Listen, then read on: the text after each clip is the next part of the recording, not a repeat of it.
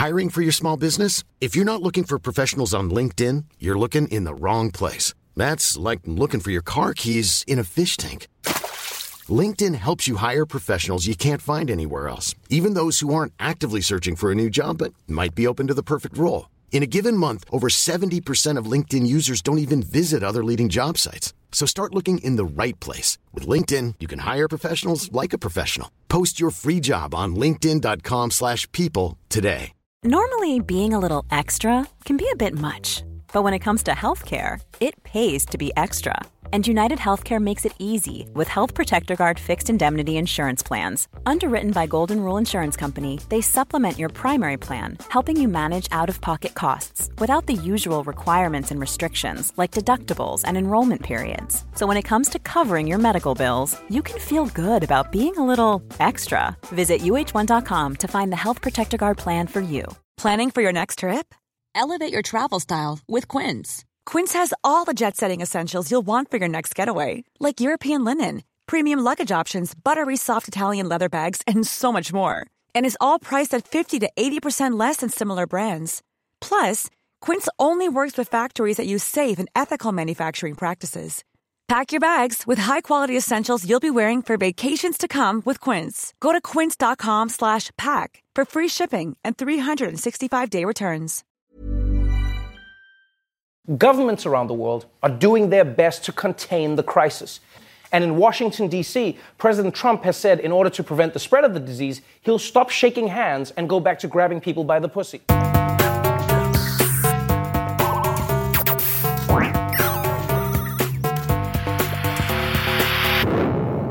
Velkommen til Sinnsyn. Jeg heter Sondre Risom Livre, er psykolog, og dette er Webpsykologens podkast. Hverdagspsykologi for fagfolk og folk flest.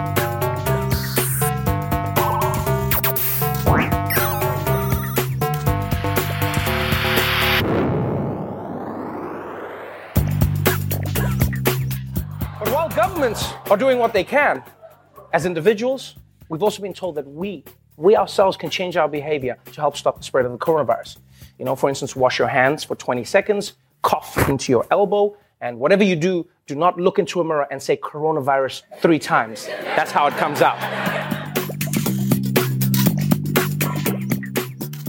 Ensomhet kan handle om fravær av sosiale forbindelser, men det kan også innebære en eh, uoverskridelig kløft, ikke bare mellom en selv og andre, men mellom en selv og verden. Ensomhet er et stort og viktig tema. Jeg har snakka om det i episode 88, men nå skal jeg snakke om det igjen. Som vanlig skal det handle mye om ensomhetens vesen generelt, men også denne gangen er det åpenbart at koronavirus, karantene, isolasjon og sosial distansering pirker så dypt i vår eksistensielle sårbarhet at jeg blir nødt til å fokusere litt på det også. Eksistensfilosofer påstår at de fleste menneskelige problemer kan spores tilbake til vår frykt for ensomhet, død og meningsløshet. Koronaviruset angriper luftveiene våre, men det angriper vitterlig også våre grunnleggende eksistensvilkår, noe som igjen skrur opp temperaturen for ulike varianter av eksistensiell angst. Ensomhet er som sagt et stort tema. I dag blir vi bedt om å holde oss for oss selv, ikke omgås i grupper, og på denne måten vinner vi kampen mot smitte og overfylte intensivavdelinger. For de som har familie, inkludert meg selv, er dette foreløpig kun et familiært eksperiment jeg tror min familie egentlig hadde godt av. Min kone, mine tre barn og jeg henger mye mer sammen enn vanlig. Min kone og jeg deler på å gå på jobb, og resten av dagen går med til hjemmeskole, turer i skog og mark, og vi holder oss unna lekeplasser og andre folk så godt vi kan. På en måte er det litt koselig. Barna forstår til en viss grad hvorfor vi gjør det, og når vi forstår hvorfor, er det litt meningsfullt å være del av et fellesskap som løfter i flokk uten å møtes. Andre ganger er det dypt og inderlig frustrerende om mine barn påstår at de er i fengsel og lider nød. Likevel føler jeg meg heldig, og situasjonen tvinger frem kreativitet, nye måter å leke sammen på, og jeg føler at jeg er pappa på heltid, omtrent som i sommerferien, bortsett fra at alle de vanlige aktivitetstilbudene vi oppsøker i ferier, er stengt. Det er en slags amish sommerferie, og jeg tror ikke jeg skulle oppleve det slik, men jeg synes ikke det er så verst. Når det er sagt, og grunnen til at jeg sier det, er for å anerkjenne at jeg føler meg uhyre privilegert, og alle mine tanker går til de som ikke er like privilegerte. De som er alene, opplever mindre kontakt enn vanlig, er avskåret fra sine aktivitetstilbud, mister inntekt, går en usikker økonomisk fremtid i møte, mange som sliter psykisk, bor alene og kanskje i tillegg befinner seg i faresonen for et virus som angriper på finurlig vis. Dette er en absurd og forferdelig vanskelig situasjon. Ensomhet, som altså er hovedtema i dagens episode, står på toppen av lista over ting man bør unngå dersom man er sårbar, i psykisk ubalanse eller i psykisk underskudd på en eller annen måte. Ensomhet er egentlig ganske giftig for de fleste av oss, og når vi plutselig oppfordres til isolasjon og sosial distansering, berører man et sårt punkt i menneskets sosiale natur.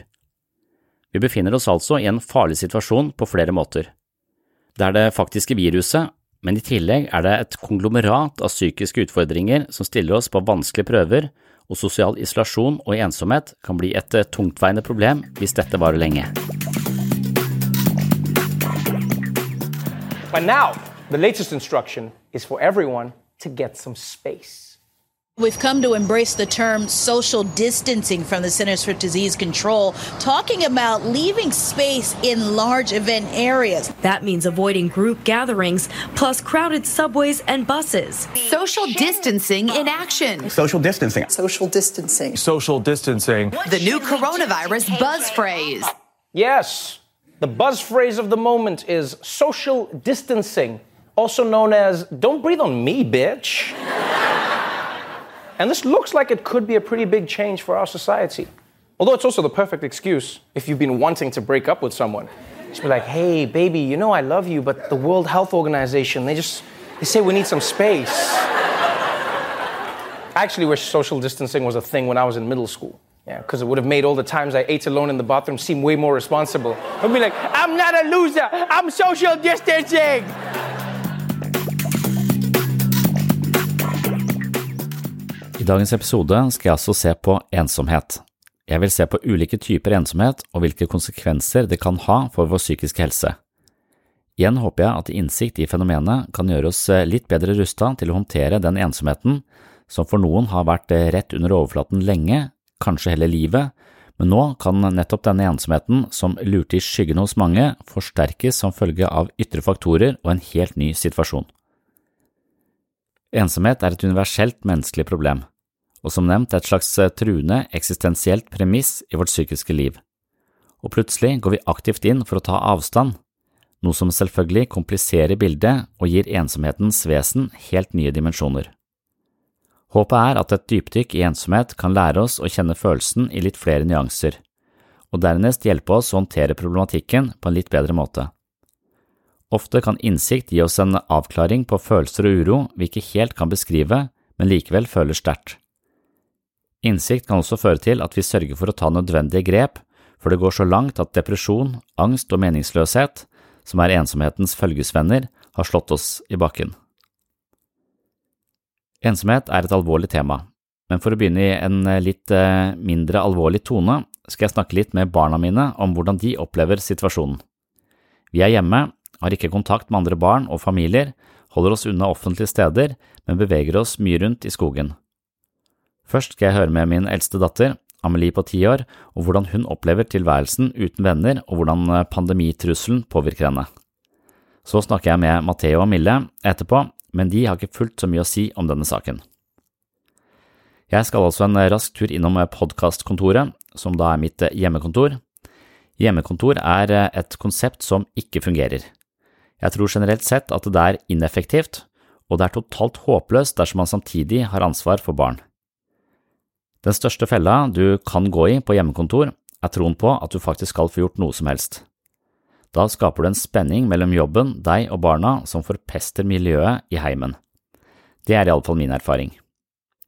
Lave ambisjoner og aksept for at det er hjemmeskole, matlaging, lek, trening, turer og familieliv som må få førsteprioritet, tror jeg er lurt. Hvis ikke blir du bare kronisk skuffa og misfornøyd. Nå er jeg likevel innom mitt eh, hjemmekontor for å snakke litt i mikrofonen, og jeg skal forsøke å inkludere mine barn i dagens innspilling.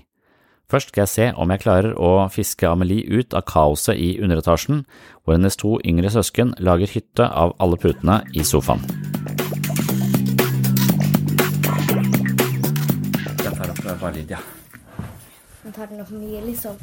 Sånn hvis det liksom kommer noen i trappa, så tar den det opp. Ja. Så tror du at eh, vi kommer til å høre fra søsknene dine underveis? Jeg vet ikke. Hva pleier du å gjøre da? Gjør du det på nytt, eller bare Ja, det er litt, uh, litt opp og ned. Det er ikke så veldig lydtett her, så vi hører, hører det meste. Men det er jo ikke noe.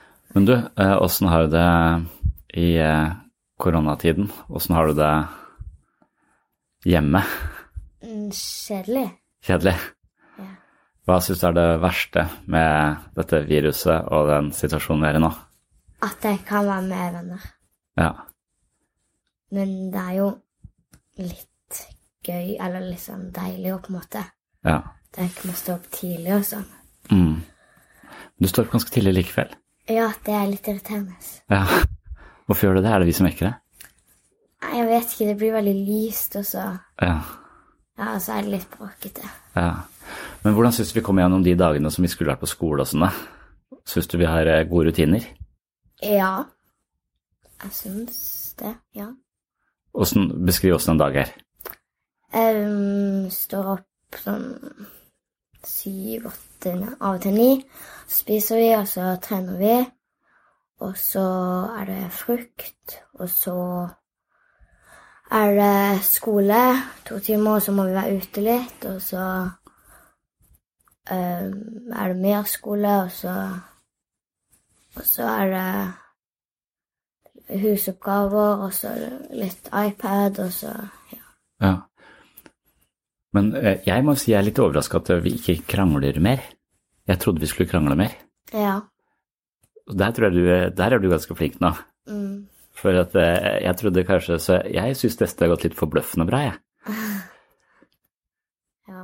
Men, eh, men er du, du Du sier ofte at du syns det er urettferdig at du ikke får lov til å gå på lekeplassen og sånn? Ja, jeg ser jo mange av mine venner som er på lekeplassen og leker sammen. Ja. Men skjønner du hvorfor vi mm, sier nei til det? Mamma sier at det er fordi at hun jobber på sykehuset, og du jobber på sykehuset, og da må ikke dere bli smitta. Fordi dere er liksom Det er det eneste som er åpent, som liksom folk kan jobbe på. Ja. da må ikke dere bli smitta. Fordi de på sykehuset trenger jobbe, eller må jobbe. Ja. Og så er det litt det at eh, vi må jo bare sørge for at denne smitten begrenser seg så mye som mulig. Og det er nettopp på sånne lekeplasser og sånn at det kanskje det kan spre seg litt videre. Og selv om ikke nødvendigvis det Ja, men jeg syns dere er litt vel strenge. Ja, det kan hende. Men eh, det kalles en nasjonal dugnad, så vi må gjøre som vi får beskjed om.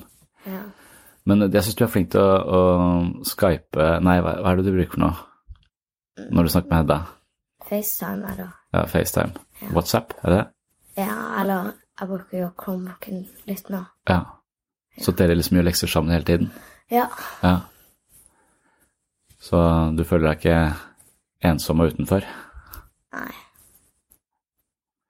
Men er du redd for viruset? Eh, jeg er ikke redd for at jeg skal få det. Eller hvis jeg, jeg vil egentlig helst bare på en måte få det og bli ferdig med det. Fordi jeg tror ikke det kommer til å skje noe med meg eller noen i familien. Fordi vi har veldig bra immunforsvar, og liksom vi er, holder oss godt i form og sånn. Men jeg er mer redd for de som er gamle, og de vi liksom Men vi er jo ikke med de vi kjenner som er gamle. Nei. Er du eh, bekymret for besteforeldre eventuelt? Ja, men ikke sånn at jeg ligger og tenker på det. Jeg er livredd for at de skal få det. Fordi jeg vet jo at de liksom de, Jeg tror de liksom kan klare å komme seg liksom gjennom koronaviruset. Ja, Du føler de også er spreke, eller? Ja, Ja. eller de er for nok spreke til å tåle det. Og så er de jo i isolasjon, de er jo i karantene. Best og best er i hvert fall i karantene, er det ikke det? Jo. Så etter å ha vært i utlandet. Ja. Mm. Ja. Så tror ikke at Hvor lenge kunne du levd sånn som det her, da? Disse dagene med frukt og lekser og bare oss, uten å klikke fullstendig i, i vinkel? Jeg vet ikke på en måte. Den første uka var det jo egentlig bare deilig og var Ja. egentlig kjempefint, men så, nå begynner jeg å bli veldig lei. Ja. For hva skal vi gjøre f.eks. i dag? I dag er det søndag, da. Ja. Men hva skal vi gjøre for noe? Vi, må jo, Ja. vi går ut i skogen, begynner jo å bli lei av det. Ja, jeg blir, skikkelig støl av å gå, gå, gå. Ja. Altså, men ja, men eh, på den ene sida så hadde det jo vært deilig å bare være hjemme kjempelenge i liksom et halvt år, liksom. Men på den Mm. annen side så eh, det er nesten første gang jeg har kjent på at jeg savner skolen litt. Ja. Men jeg savner kanskje ikke timene, jeg savner mest å være med venner. Ja. Friminutta. ja. Men ja. Men dere har begynt med sånn Google Hangouts, har dere ikke det? jo, snakke litt med læreren også der, og så kan vi snakke med noen av vennene og sånn. Ja. Men det blir jo ikke det samme. Nei, det gjør ikke det. Men jeg kunne godt vært, sånn her hvis jeg kunne vært med venner. Jeg kunne gjerne vært liksom hjemme i et halvt år hvis jeg kunne vært med venner. Da blir det som en sommerferie. Ja, Så dette, dette ligner en sommerferie, bortsett fra at på sommeren gjør vi masse gøy med venner og ja er rundt. liksom, vi kan ikke være i Skyland, vi kan ikke Nei. Vi kan liksom Det eneste vi kan gjøre, er dra i skogen Mm. å være hjemme og dra på hytta. Ja, vi kan jo for så vidt ikke dra på hytta, da. Bare på dagsturer. Ja. Ja. Mm. ja men Og så hoppe på trampoline. Ja, Ja. det blir jo mye av det. Mm. Ja. Men når man gjør det samme ting veldig mange ganger, så blir man litt lei av det. Ja. ja. Helt enig.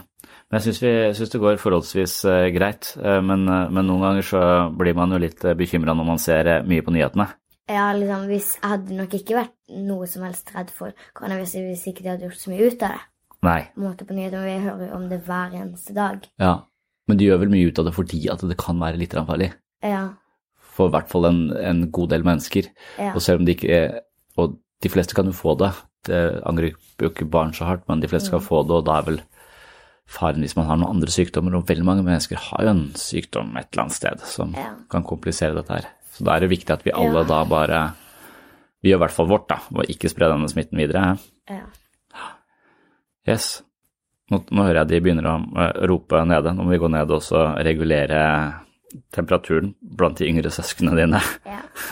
Takk skal du ha. Ja.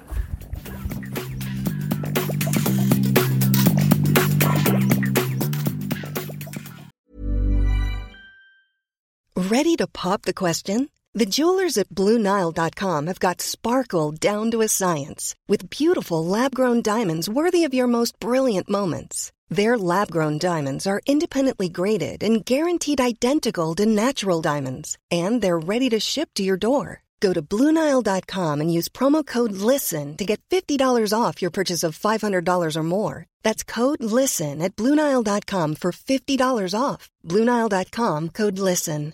This is Paige, the co-host of Giggly Squad, and I want to tell you about a company that I've been loving, Olive and June. Olive and June gives you everything that you need for a salon quality manicure in one box. And if you break it down, it really comes out to $2 a manicure, which is absolutely insane. It's also so easy to get salon worthy nails at home with Olive and June. The difference between how your nails used to look when you did them yourself and now with the Manny system is a complete game changer. The best thing about Olive and June too is it's a quick dry. Dries in about one minute, lasts for five days, and full coverage in up to one to two coats. Visit oliveandjune.com slash perfectmanny20 for 20% off your first system. That's oliveandjune.com slash perfectmanny20 for 20% off your first system. Hiring for your small business? If you're not looking for professionals on LinkedIn, you're looking in the wrong place. That's like looking for your car keys in a fish tank. LinkedIn helps you hire professionals you can't find anywhere else, even those who aren't actively searching for a new job but might be open to the perfect role. In a given month, over 70% of LinkedIn users don't even visit other leading job sites. So start looking in the right place. With LinkedIn, you can hire professionals like a professional. Post your free job on linkedin.com/people slash people today. Det var eh, Amelie på ti år, en eh, virkelig god støttespiller i disse tider. Hun eh, stiller opp for oss, og det er flott. Og så prøvde jeg også å snakke litt med lillebroren hennes på syv. Han er litt skeptisk til sånne konstruerte situasjoner med en mikrofon, så han var ikke fullt så snakkesalig, men han hadde et par ting å melde han også i forhold til denne koronasituasjonen vi er i.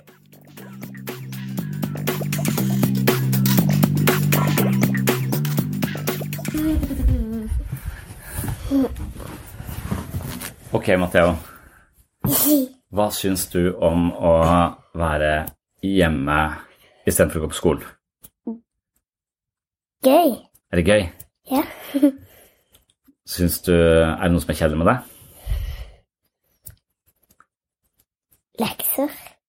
Lekser? Så skulle du helst vært hjemme uten at vi gjør, gjør, gjør lekser? Ja. Er det noe annet du savner, da? Være med vennene. Være med vennene, ja. Du savner med kameratene dine? Ja. Er du redd for viruset? Nei. Litt. Litt? Er det noe du tenker på? Mm. Nei. Nei. Du har det egentlig greit, du? Ja. Men det kan bli litt kjedelig om dagene? Syns du vi krangler mye? Mm.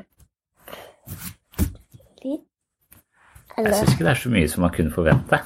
Nei. Jeg syns du klarer deg veldig bra. Mm. Ja. Har du, noe, har du mer du kan si om koronaviruset, eller skal vi si at det var det? Det var det. Det var det, ja. Hva har du lyst til å gjøre i dag, da? Mm. Vet ikke. Er det kjedelig at vi ikke kan gjøre sånne ting som vi pleier å gjøre, f.eks. Skyland og sånn? Ja. Vi må vel ut i skogen, da. Ja. Og sosialt distansere oss. Gå to meter unna hvis vi møter noen. Ja. ok, så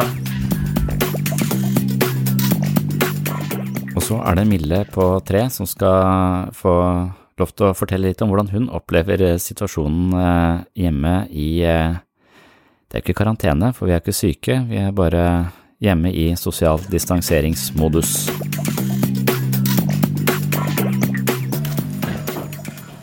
Mille? Mille? Hva er det du gjør for noe? Det er ikke noe lyd i den. Nei. Når alle glasskårene og smulene Men du, Mille, kan jeg bare spørre deg, Hæ? eh, syns du det er greit å ikke være i barnehagen? Har du lyst til å gå i barnehagen? Mm -mm. Har du ikke lyst? Ikke å gå i barnehagen. Vil du ikke? Nei, ikke gå i barnehagen. Nei. Vil du heller være hjemme? Mm. Ja. Blir det ikke litt kjedelig da å være hjemme hver dag? Etterpå må Etterpå må vi gå i barnehagen i morgen etter Savner du vennene dine i barnehagen da? Nei. Gjør du ikke? Savner du Landar? Ja. Jeg savner barnehagen. ja. Men husker du, var Londor utenfor her for ikke så lenge siden? Så du han da? Jeg vil ha mer melk. Du har mer melk, ja. Hva er det? Det er en opptaker. Åh. Ja. Hva har du lyst til å gjøre i dag, Amille? Um, ingen. Har du ikke lyst til å gjøre noe i dag? Nei. Har du lyst til å gå på tur? Ja. Ja. Skal vi gå til ut i skogen? Ja, etterpå når, når, når jeg må ta melk oppi denne her. Må du ha melk nå? Ja. Ja. And now people are taking social distancing so seriously, even schools all over America are kicking kids out. Schools from coast to coast are closing this morning to clean the classrooms. Ohio State University just became the latest college to cancel in person classes. Harvard, now among the colleges and universities, telling students don't come back from spring break. Parents with children at Treadwell Middle and elementary schools are not playing around. And don't nobody want their child to be sick, and don't nobody want to take that virus to their house. Many wiped their kids down, and some even sprayed them with disinfectant spray as they took them home Monday. Yo. Yo. Yo, the parents at this school are really serious. Like the mom's fighting with the virus, this dad is not taking chances. You see how much spray he used? His kid is never getting corona or a date to the prom.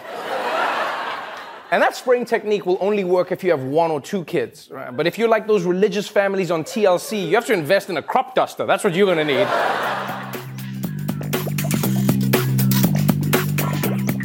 Og da vil jeg si litt mer om ensomhetens eh, psykologi generelt. Den eh, amerikanske psykoterapeuten og psykiateren Irvin Yalom eh, forklarer at isolasjon er et av menneskets mest fryktede eksistensielle grunnvilkår. Fra sin årlange praksis som psykoterapeut har han lagt merke til at mange mennesker som mister en ektefelle eller livsledsager, ikke først og fremst fortviler over tapet av den andre, men over den brutte relasjonen. Enker og enkemenn snakker om å leve et liv som ikke blir sett. De har mistet et eh, livsvitne, noen som vet at de kommer hjem, legger seg og står opp om morgenen. Innenfor psykisk helse ser vi også utallige eksempler på mennesker som lever i utilfredsstillende eller skadelige parforhold fordi de er nødt til å ha et vitne til livet sitt. De trenger noen som kan bekrefte deres eksistens, og da er de av og til villige til å gå på kompromiss med en hel haug av egne behov og, og, rett og slett akseptere en situasjon som uh, man ikke burde ha akseptert, rett og slett fordi det er uh, så skremmende å bli latt alene eller ikke ha dette vitnet til livet sitt. Noen har til og med sagt at de føler at de slutter å eksistere dersom de ikke har noen som ser dem. Jalom påpeker at dette er et vanlig fenomen i terapi også, og han legger til at terapeuter må påse at de ikke blir pasientenes livsvitner. Det vil skape et avhengighetsforhold hvor terapiens slutt kan bli katastrofal for pasienten. I terapi handler det om å være støttende og bekreftende til stede samtidig som man arbeider for pasientens evne til selvstendighet og selvaksept. Jalom snakker om tre typer ensomhet eller isolasjon. Og det han nevner her i forhold til terapi, det er jo rett og slett et slags advarsel om at eh, det kan skapes en type avhengighetsforhold hvor eh, terapeuten blir eh, pasientens livsvitne, og det kan være helt avgjørende for et menneske å få å ha et livsvitne, og av og til så er det terapeutens oppgave, men eh, hvis vi virkelig skal hjelpe mennesker, så må vi hjelpe de til å skaffe seg livsvitner på utsiden av psykisk helsevern, sånn at man er i stand til å skape gode relasjoner til andre mennesker som, hvor man selv kan fungere som et vitne på andres eh, liv, og at man selv har noen som bryr seg tilbake igjen. Så det er jo den, eh, det vi hele tiden tilstreber i, eh, i behandling, er å hjelpe mennesker til å etablere gode flokker hvor de kan ha en meningsfull plass, og det er ekstremt viktig. Og i disse dager så blir det vanskelig. Mange av de menneskene som jeg har i terapi, lever ganske isolert fra før. De eh, har ikke så mange relasjoner. På grunn av angst og usikkerhet så har de trukket seg unna, kuttet masse bånd, og mange av de har eh, da en slags eh, livlinje inn til verden via gruppeterapi og de andre i gruppa, noe som blir viktig for dem. Og når det da uteblir, sånn som det har blitt nå noen uker, så kan det få ganske ja, alvorlige konsekvenser og kan for, forsterke en del eh, psykiske plager. Og det vi nå ser på, er å kjøre gruppene våre digitalt. Og det tror jeg mange nå tvinges inn i, en eh, digital hverdag hvor vi er nødt til å bruke helt andre redskaper. Og sykehuset har da et eget system hvor man kan eh, lage et rom på, på nett hvor man inviterer pasientene inn i gruppeterapien via skjermen. Så sitter man på hvert sitt, i hvert sitt hjem men kan likevel møtes og snakke om hvordan vi opplever den eh, pågjeldende situasjonen. Så da kjører vi gruppene våre digitalt nå fremover, og jeg tror det blir eh, igjen et svært viktig møtepunkt. Selv om det kanskje ikke kan erstatte face-to-face-kontakt, så blir det likevel denne følelsen vi har i en, eh, en gruppe, at vi er viktige for andre mennesker, og andre mennesker er viktige for, for oss. Så jeg gleder meg til vi får dette her opp å stå om noen dager, hvor jeg skal møte alle sammen igjen i, eh, i lukkede rom på, på, nettet. Så tilbake til eh, Yalom, som eh, snakker om at det er tre typer ensomhet eller isolasjon, og da er vi igjen tilbake til en litt mer sånn generell forståelse av ensomhet. Det første han nevner er interpsykisk isolasjon. Interpsykisk isolasjon betyr atskillelse fra seg selv. Dette kan vi se hos mennesker som i liten grad tar hensyn til egne følelser og behov. Ofte har de hatt en oppvekst hvor det ble viktig å ta hensyn til andres behov. Barnet måtte gå stille i dørene for at pappa ikke skulle bli sint, eller være pliktoppfyllende og grei for at mamma ikke skulle bli lei seg og deprimert. Når barn må ta spesielle hensyn til de voksne, går det på bekostning av deres egen utvikling. Ofte kan de utvikle et godt blikk for andres behov, men være helt uvitende om sine egne ønsker, følelser og behov. I slike tilfeller mister man kontakten til sitt eget indre liv og man kan føle seg tom eller utbrent. Livet kan plutselig fremstå som kaldt og meningsløst. Man er rett og slett atskilt fra seg selv, og det representerer ofte en alvorlig psykisk forstyrrelse med depresjon og melankoli som ett av hovedsymptomene. En litt annen, men relatert variant av denne interpsykiske isolasjonen er noe vi finner hos Freud, som snakket om isolasjon som en forsvarsmekanisme hvor følelsene fjernes fra minnet om en ubehagelig opplevelse. Når personen senere kommer i tanker om den vanskelige opplevelsen, fritas han eller hun fra de smertefulle følelsene. De er rett og slett eh, koblet fra tankene. Mange terapeuter mener at eh, hovedhensikten med psykoterapi er å integrere slike avspaltede deler av seg selv. Og det som Jalom her kaller for interpsykisk isolasjon, det handler jo nettopp om å skape en større kontakt til seg selv. Og det å være fremmed og isolert fra seg selv, det er en ganske spesiell form for uh, isolasjon, og ikke nødvendigvis en isolasjon som blir noe verre av uh, situasjonen vi nå er i, med at vi skal sosialt distansere oss. Dette er en, en, følelse av ensomhet som stikker enda mye dypere, altså en følelse av fremmedhet overfor seg selv. Og nettopp terapi handler veldig ofte om å spørre til menneskers indre liv. Hva kjenner du på, hvordan har du det, hvordan opplever du denne situasjonen, altså spørre inn sånn at mennesker tvinges til å kjenne etter og undersøke sitt eget, sitt eget indre liv. Veldig mange mennesker er mer opptatt av å si det riktige, si det som de tror jeg vil høre, eller si det de tror er riktig og det som de tror at eh, gruppa ønsker å høre, eller si det som eh, de tror eh, gjør at de blir godt likt osv., at de hele tiden sier ting for å tilfredsstille andre, og ikke egentlig sier det som de reelt sett føler. Eh, og det er et problem, for når du da spør de om hva er det du egentlig føler, hva tenker du egentlig om dette, så har de kjent så lite etter at de ikke vet.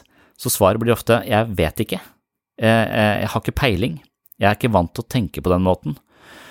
Og det er da en, et viktig, viktig terapeutisk mål i seg selv, er å bli kjent med sine egne opplevelser og følelser om noe og formidle det. Og det å være en ekte person, det er nettopp det å kunne formidle nettopp disse emosjonelle eh, aspektene, for på den måten så, eh, så, kan vi føle nærhet til et annet menneske. Hvis et annet menneske hele tiden bare sier det de tror jeg vil høre som terapeut, eller sier ting som eh, virker reflektert og, og, og på en eller annen måte sørge for at jeg får en opplevelse at terapien har en verdi, så, så kommer ikke dette mennesket noe videre, og det er litt av og til litt vanskelig å avsløre. Noen, noen mennesker er mer opptatt av å tilfredsstille andre enn seg selv hele tiden, og da blir det en type litt sånn halvfalsk eh, relasjon. Det er ikke dermed sagt at dette er falske mennesker, det er bare rett og slett mennesker som er så lite kjent med sine egne behov at de ikke vet hvordan de skal formidle det. Og det å bli kjent med seg selv, det er i hvert fall første skritt på veien til å ikke føle seg ensom. For dette spillet de holder på med, eller det er dumt å kalle det et spill, men den, den, strategien de har om hele tiden monitorere andre for å finne ut hva som er riktig og ikke riktig å si i denne, denne situasjonen, det gjør at de aldri går inn i en relasjon på en helt oppriktig måte med hele seg. De går hele tiden inn med visse forbehold og beskyttelsesstrategier, og, og de, de, sier bare det som er riktig, og ikke det som nødvendigvis er ekte, fordi de ikke helt kjenner eh, hva som er ekte, eller hva de egentlig mener om de ulike situasjonene. Jeg skjønte at dette ble litt kronglete sagt, men poenget er i hvert fall at for å komme nær andre mennesker, så må du i utgangspunktet også være nær deg selv, og mange mennesker må starte allerede der på å bli, komme nær seg selv og kjenne etter i seg selv som første skritt på veien for å bryte denne interpsykiske isolasjonen. Det neste punktet Jalom snakker om, er det som kalles for interpersonlig isolasjon. Som regel er det interpersonlig isolasjon vi opplever som ensomhet. Det handler om fravær av sosiale forbindelser. Man har få venner og lite nettverk. Innenfor psykisk helsevern jobber vi nesten daglig med denne typen ensomhet. Det finnes mange årsaker til at folk blir ensomme. Det kan dreie seg om kulturforskjeller, geografiske årsaker, nedleggelse av institusjoner som fremmer nærhet, mangel på sosiale ferdigheter, mobbing osv. Det kan også dreie seg om pandemier som eh, sørger for at vi må sosialt isolere oss. Det er heller ikke så sjelden at man i hjelpeapparatet møter mennesker som sliter med en form for psykisk lidelse som nettopp hindrer gode relasjoner til andre mennesker. Det kan eksempelvis være schizoide eller narsissistiske personligheter, eller mennesker som fordømmer og utnytter andre, eller mennesker som er selvusikre og sliter med angst. Psykiske plager sørger for at de mellommenneskelige strategiene våre ikke er optimale, og på den måten så mister man nettverk, man mister tilhørighet i en flokk, man risikerer å bli utestengt fra uh, en flokk, og dermed så er det disse personlige strategiene vi har, som ofte er en måte å overleve på når vi var små, men som senere i livet blir vår verste fiende fordi disse strategiene vi trengte som beskyttelse da vi var små, de hemmer oss uh, og sørger for avstand snarere enn nærhet i voksen alder. Så mye psykoterapi går jo også ut på å undersøke sine egne personlige strategier i møte med andre mennesker, og det man da oppdager som ikke er optimalt, det gjør vi da aktive forsøk på å prøve å endre, sånn at eh, hver enkelt av oss klarer å inngå i så gode og betydningsfulle relasjoner som mulig. Og så er det den eh, neste momentet, det handler om en eksistensiell isolasjon, som Jalom også snakker en del om. Her er det altså den eksistensielle isolasjonen som eh, en tredje variant. Denne formen for isolasjon går dypere og skjærer helt inn til beinet. Det er en eh, fundamental ensomhet som er uløselig knytta til eksistensen og refererer til en uoverskridelig kløft mellom en selv og andre, en separasjon ikke bare mellom selv og andre, men mellom en selv og verden. Jalom kobler eksistensiell isolasjon til døden. Det er ansikt til ansikt med døden at våre vår fundamentale ensomhet blir tydeligst. I antikken ble herskere og mennesker i maktposisjoner gravlagt med masse gods og eventuelt noen følgesvenner. På sett og vis er det kanskje et bilde på vår frykt for ensomheten ved veis ende. Vi fødes og dør alene, og slik er rammen rundt livet. Når vi kommer i kontakt med denne typen eksistensielle erkjennelser, gjerne i sammenheng med kriser eller tragedier, akkurat sånn som vi står eh, midt oppi nå med koronavirus, så er det altså en grunnleggende frykt som angriper oss, en eksistensiell angst, og dette er kanskje den mest hardtslående formen for ensomhet et eh, menneske kan oppleve. Og jeg tror eh, kanskje dette er en variant av ensomhet som lurer i skyggen av vår uro i disse tider. Vi har denne interpersonlige isolasjonen, hvor vi er avskåret fra å treffe andre folk som vi normalt sett omgås.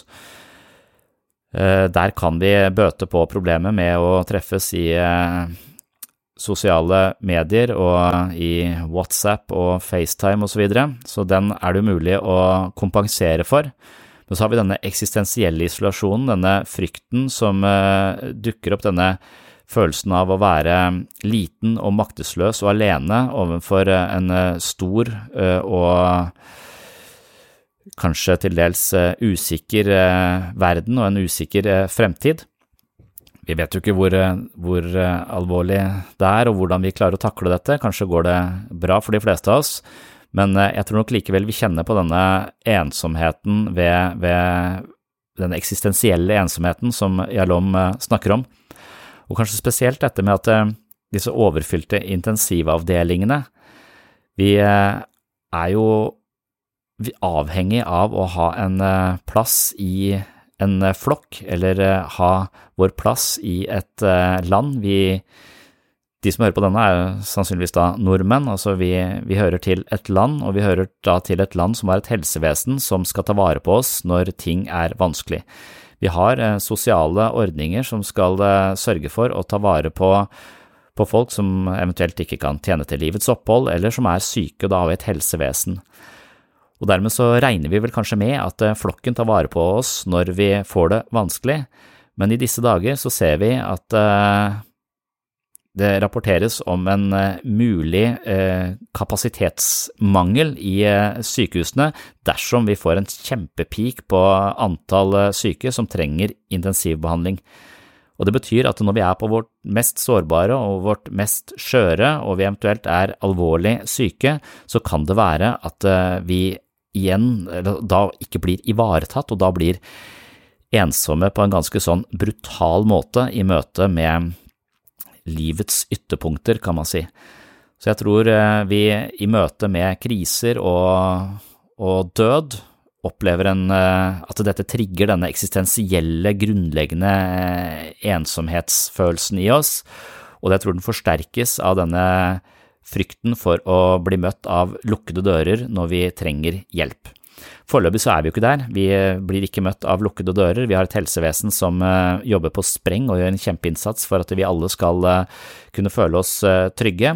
Og vi har også et, et politisk system og gode politikere som sørger for at vi, vi får regler og å forholde oss til som gjør at vi ikke får denne piken på, på koronasmittede eh, som trenger eh, eh, akutt behandling.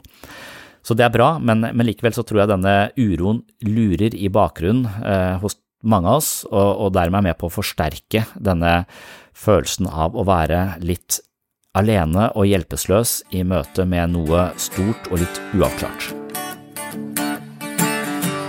All seemed harmless for a couple of days. Then it all got real when it got Tom Hanks. Now we can't shake hands and we can't even sneeze. Cause everyone will freak out and put us in quarantine. We're all locked down, baby, and we're trying to get out. Going back crazy cause I can't leave the house. I got a cooler of beer, my baby's drinking wine. Been washing my hands about 24 times. It gets worse every day that I turn on the news.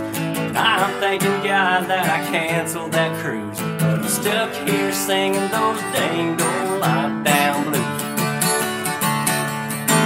Gets worse every day I turn on my TV.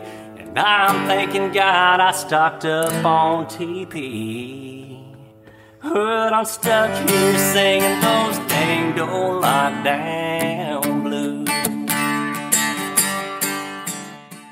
Ja, som sagt så er ensomhet et uh, enormt stort uh, tema, og jeg vil lage en ny episode om ensomhet og hvordan vi skal takle ensomhet. Det får jeg ikke tid til uh, akkurat nå, men i løpet av de neste dagene så skal jeg altså spille inn en ny episode som handler om kunsten å takle ensomhet. For ensomhet er en eh, sinnstilstand som eh, rammer alle mennesker, og kunsten er å takle det uten å havne i eh, depresjon, angst og fortvilelse. Så hvis du er mer interessert i dette fenomenet opp imot den situasjonen vi står i akkurat nå, så får du bare tune inn her på Sinnsyn om noen få dager, regner jeg med. Ellers så er det flere og flere som blir Patrion-supportere, altså som støtter sinnssyn med en liten sum i måneden. Det setter jeg enormt stor pris på. Det betyr at jeg kan prioritere podkasten mye høyere enn jeg har gjort eh, tidligere, og det er eh, særdeles eh, motiverende. Hvis du kunne tenke deg å bli medlem av Sinnsyns mentale helsestudio, så er det altså på www.patrion.com for slash sinnssyn www patron.com for segs sinnssyn. Der har jeg et eh, mentalt treningsstudio hvor man kan bli medlem på månedlig basis og få øvelser, ekstra episoder, videomateriell osv. osv. Der får du Akkurat nå så ligger det vel en 17-18-19 eh, ulike episoder og videoer som kun er tilgjengelige for Patron-supportere. Så de som vil ha mer sinnssyn, de kan bli medlem eh, på min Patron-side. Ellers vil jeg bare takke alle som har eh, fulgt sinnssyn, alle som kommer med tilbakemeldinger. Eh, det er kommet mange hyggelige tilbakemeldinger i iTunes, masse gode reviews der.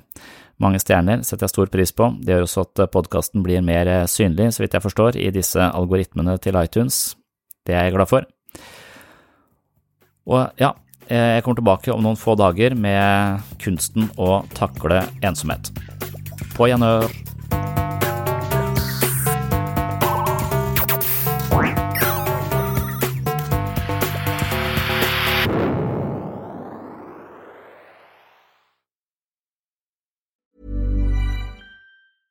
Even when we're on a budget, we still deserve nice things.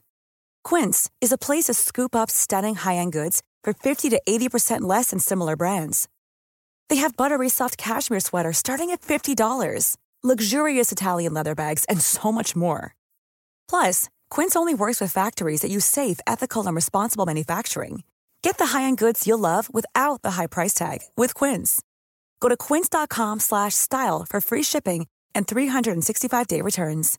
Want flexibility? Take yoga. Want flexibility with your health insurance? Check out United Healthcare Insurance Plans. Underwritten by Golden Rule Insurance Company, they offer flexible, budget friendly medical, dental, and vision coverage that may be right for you. More at uh1.com. Mom deserves the best, and there's no better place to shop for Mother's Day than Whole Foods Market. They're your destination for unbeatable savings, from premium gifts to show-stopping flowers and irresistible desserts. Start by saving 33% with Prime on all body care and candles. Then get a 15-stem bunch of tulips for just $9.99 each with Prime. Round out Mom's menu with festive rosé, irresistible berry chantilly cake, and more special treats. Come celebrate Mother's Day at Whole Foods Market.